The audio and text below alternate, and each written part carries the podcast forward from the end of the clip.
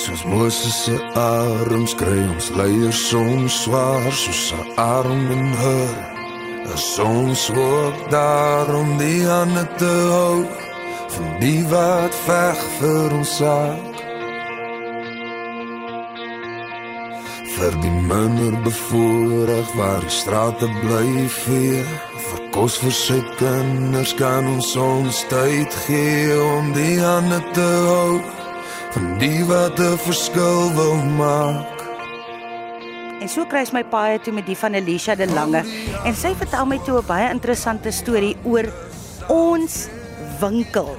En ek vra toe vir haar wat dit is. En nou vra ek weer vir jou, wat is dit? Sê vir ons luisteraars gou. Waaroor gaan ons winkel? Wat is die storie agter ons winkel?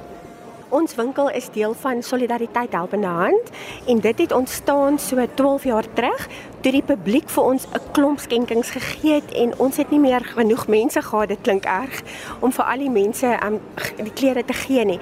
Toe het ons begin met die ons winkel. En vandag staan ons op 126 winkels in die hele land.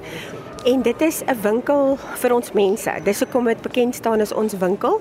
Die publiek kan letterlik enigiets vir ons skenk. Dit wat in hulle pad staan, klere, huisware, linne, boeke, um enigiets wat in jou pad staan, soos ons sê behalwe mans, tieners en skoonmaas. ons het nog nie 'n plek vir hulle nie. Maar wie wat interessant. Soos ons nou gesels het, het jy iets baie interessants vir my gesê. Jy het gesê jy het een keer baie interessante skenkings gekry. Wat sou dit wees? Ja, partykeer um, sit mense nou hulle klere bymekaar, maar hulle sien nie wat lê dalk tussen die klere of onder die klere nie. En toe ons die klere so uitpak, toe staar 'n um, paar valstande in daardie sak. So ek het gewonder hoe lank is daar gesoek aan na hierdie tande en dit was 'n rukkie nadat ons die sak uitgepak het, so dit was baie moeilik om die eienaar op te spoor. en 'n ander keer het ons letterlik 'n doodskus gekry wat iemand geskenk het en ek dink altyd nou maar wat is die pad wat hierdie doodskus gekom het en hoekom skenk hulle dit vir ons? Ons, maar partykeer is dit ook beter om nie vrae te vra nie. Jy het hom verkoop. Ja, iemand het hom te verkoop. Hulle het 'n ander doel vir hom gekry. Hoopelik nie as 'n doodskus nie, maar hy is verkoop uit een van ons winkels. toe stel ek toe nou nog voor toe ek hoor oor die tande, het ek gesê maar mens kan dit tog gebruik. amper jy draai hulle net om en dan in die holtes, ehm um, sit jy sandjies en jy kan Wat het ek gesê vetplante, jy kan vetplante binne insit. Hoekom doen jy dit, Alicia? Hoekom is dit vir jou belangrik om te doen wat jy doen? Dis vir my 'n hartsaak. Um vir my gaan dit daaroor om 'n verskil te maak elke dag. En in die aand as ek my kop neersit, dan wil ek weet maar iemand se lewe is beter omdat ek deel daarvan was. En dit gaan nie oor myself nie, maar dit gaan oor mense wat dit vir ons moontlik maak. Ek sien myself net as 'n instrument wat dit doen, so ek is baie dankbaar dat ek kan doen wat ek doen. As ek moet teruggaan, ek vra altyd vir mense oor hulle kom vandaan. Het jou ouers dit in jou hart kom plaas om om te gee oor ander? Ja, ek my ouers is regtig vrygewige mense en hulle het nog altyd met 'n oop hand geleef. En ek het net gesien dat as mense in jou lewe met 'n toe hand leef, dan kan jy nie ontvang nie. Maar as jy met 'n oop hand leef, is jou hand gereed om te ontvang. En dit is ook my lese. En 'n ander belangrike ding is mens dink altyd jy moet groot goed kry, maar bietjies maak baie. Ja. En dis my lese, 'n klomp bietjies maak op die ou einde baie. Wat vra julle gewoonlik vir mense? Wat kan hulle vir julle kom gee? Sê sommer ook vir mense hoeveel takke daar is. Ons het um tans 126 winkels in die hele land en letterlik enigiets wat in jou pad staan. Um ons verkoop dit dan in ons winkels. So of dit nou klere is, um speelgoed, huisware, kombuisware, linne, um dan verkoop ons dit, maar ons het ook 'n gedeelte wat ons terugploeg in terme van ons gee dit net so terug in die gemeenskap as iemand se huis byvoorbeeld afgebrand het en hulle het onmiddellike hulp nodig of is daar 'n gesin geassesseer word deur ons maatskaplike werkers en dis dalk 'n mamma wat moes vlug en sy net met 'n tas of net met die klere haar lyf gevlug, dan help ons om hulle dan nou te help op hulle voete. Maar ons het net agtergekom as mens vir iemand iets verniet gee oor die algemeen, mm. dan aan dan is dit asof hulle nie regtig die waarde daarvan besef nie. Maar al betaal jy R10 vir iets, dan is dit gee dit vir jou selfwaarde en jy kan kom kies dan wat jy wil hê. So op die einde van die dag, um, skep ons 'n platform waar mense dan um, kan kom skenk en dan kan die publiek kom koop. En weet jy, die meeste van ons goed is onder R100. En dit maak dit bekostigbaar. Um selfs um in van ons winkels is van die klere het nog hulle oorspronklike pryskaartjies aan. Ek dink dis mense wat dalk goed oor die internet bestel of en hulle hou net nie daarvan nie, dan skenk hulle dit vir ons en vir daai volgende persoon is dit iets waarvoor hy baie hard gewerk het om dan te kan dra. Ek wonder altyd waar trek mense die lyn nou dat jy nou praat van jy moet daai persoon leer om vis te vang. Waar trek mense die lyn? Hoe sê mens nee? Ja, dis baie moeilik. Wetenskaplik is dit bewys as iemand na 'n derde keer iets ontvang, dan is daar 'n paadjie in sy brein gevorm wat sê maar ek is geregtig daarop. So as iemand vir 'n derde keer 'n kospakkie kry en hy het regtig nie daarvoor gewerk of uh, iets daarvoor gedoen nie, dan voel hy dis hy reg.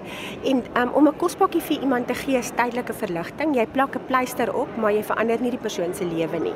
So deur helpende hand werk ons baie gestruktureerd. Uh, as iemand nood het, vul hulle by ons 'n assesseringsvorm in en daardeur kyk ons holisties na die persoon se omstandighede.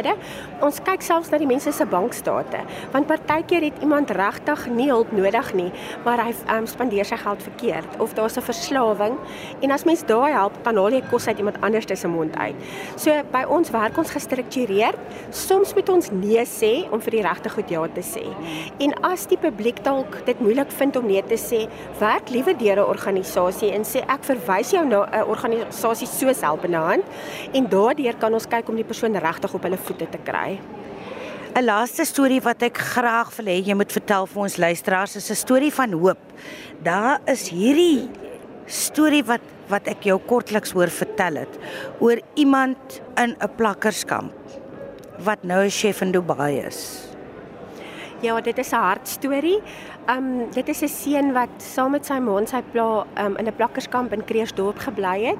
En hierdie kind was um die derde geslag in daai plakkerskamp. Sy oupa was daar, sy pa en hy. Maar sy omstandighede was so sleg. Sy pa was 'n dwelmhandelaar en sy ma was 'n prostituut. En wanneer die omstandighede by sy plakkershuitjie so erg geraak het, het hy letterlik in 'n betonhondehok gaan wegkruip en dit was sy skuilings. En so het helpende hand van hierdie seun gehoor. En toe hulle met die skole praat, toe kom die sê die skool, die skool het nie eens geweet daarvan nie, want hy was nooit afwesig nie en hy het elke jaar deurgekom ten spyte van sy omstandighede. En daardie jaar was hy toe matriek. En um, ons besef toe net dat as mens nie vir hierdie kind 'n geleentheid gaan gee om uit sy omstandighede te kom nie, gaan dit sy storie wees, sy nageslag storie. En hulle vra toe vir hom as ons vir jou 'n geleentheid kan gee om verder te gaan studeer, wat sal jy wil gaan studeer? En sy antwoord was dat hy vir 'n chef wil gaan studeer. En toe ek dit hoor, toe sê ek maar miskien het hy nie kos geken soos wat ek en jy kos ken nie en dat dit hom dalk getrek het, nie noodwendig die chef nie. Maar ons het hom daai geleentheid gegee en hy's nou 'n suksesvolle um, chef in Dubai, nogals een van die grootste hotelle in Dubai. En by ons is dit rentevrye studielenings wat ons gee. En toe hy sy le lening nou terugbetaal het, toe sê hulle vir hom baie geluk, sterkte met jou toekoms. Jy's nou klaar afbetaal, toe sê hy maar ek wil nie ophou betaal nie. Ek wil aanhou sodat ander kinders die geleentheid kry wat ek gekry het. En dit is net vir my so 'n storie van hoop. Want baie keer gebruik ons ons omstandighede as 'n verskoning, maar hy het dit gebruik as 'n as 'n trappie en so gee hy ook vir ander kinders die geleentheid. En dit maak jou hart bly. Ja, absoluut. Dit maak my lewe vol. Ek het genoeg vir wie moet ek staan? Maak jy helpende hande groter as die hande wat vra?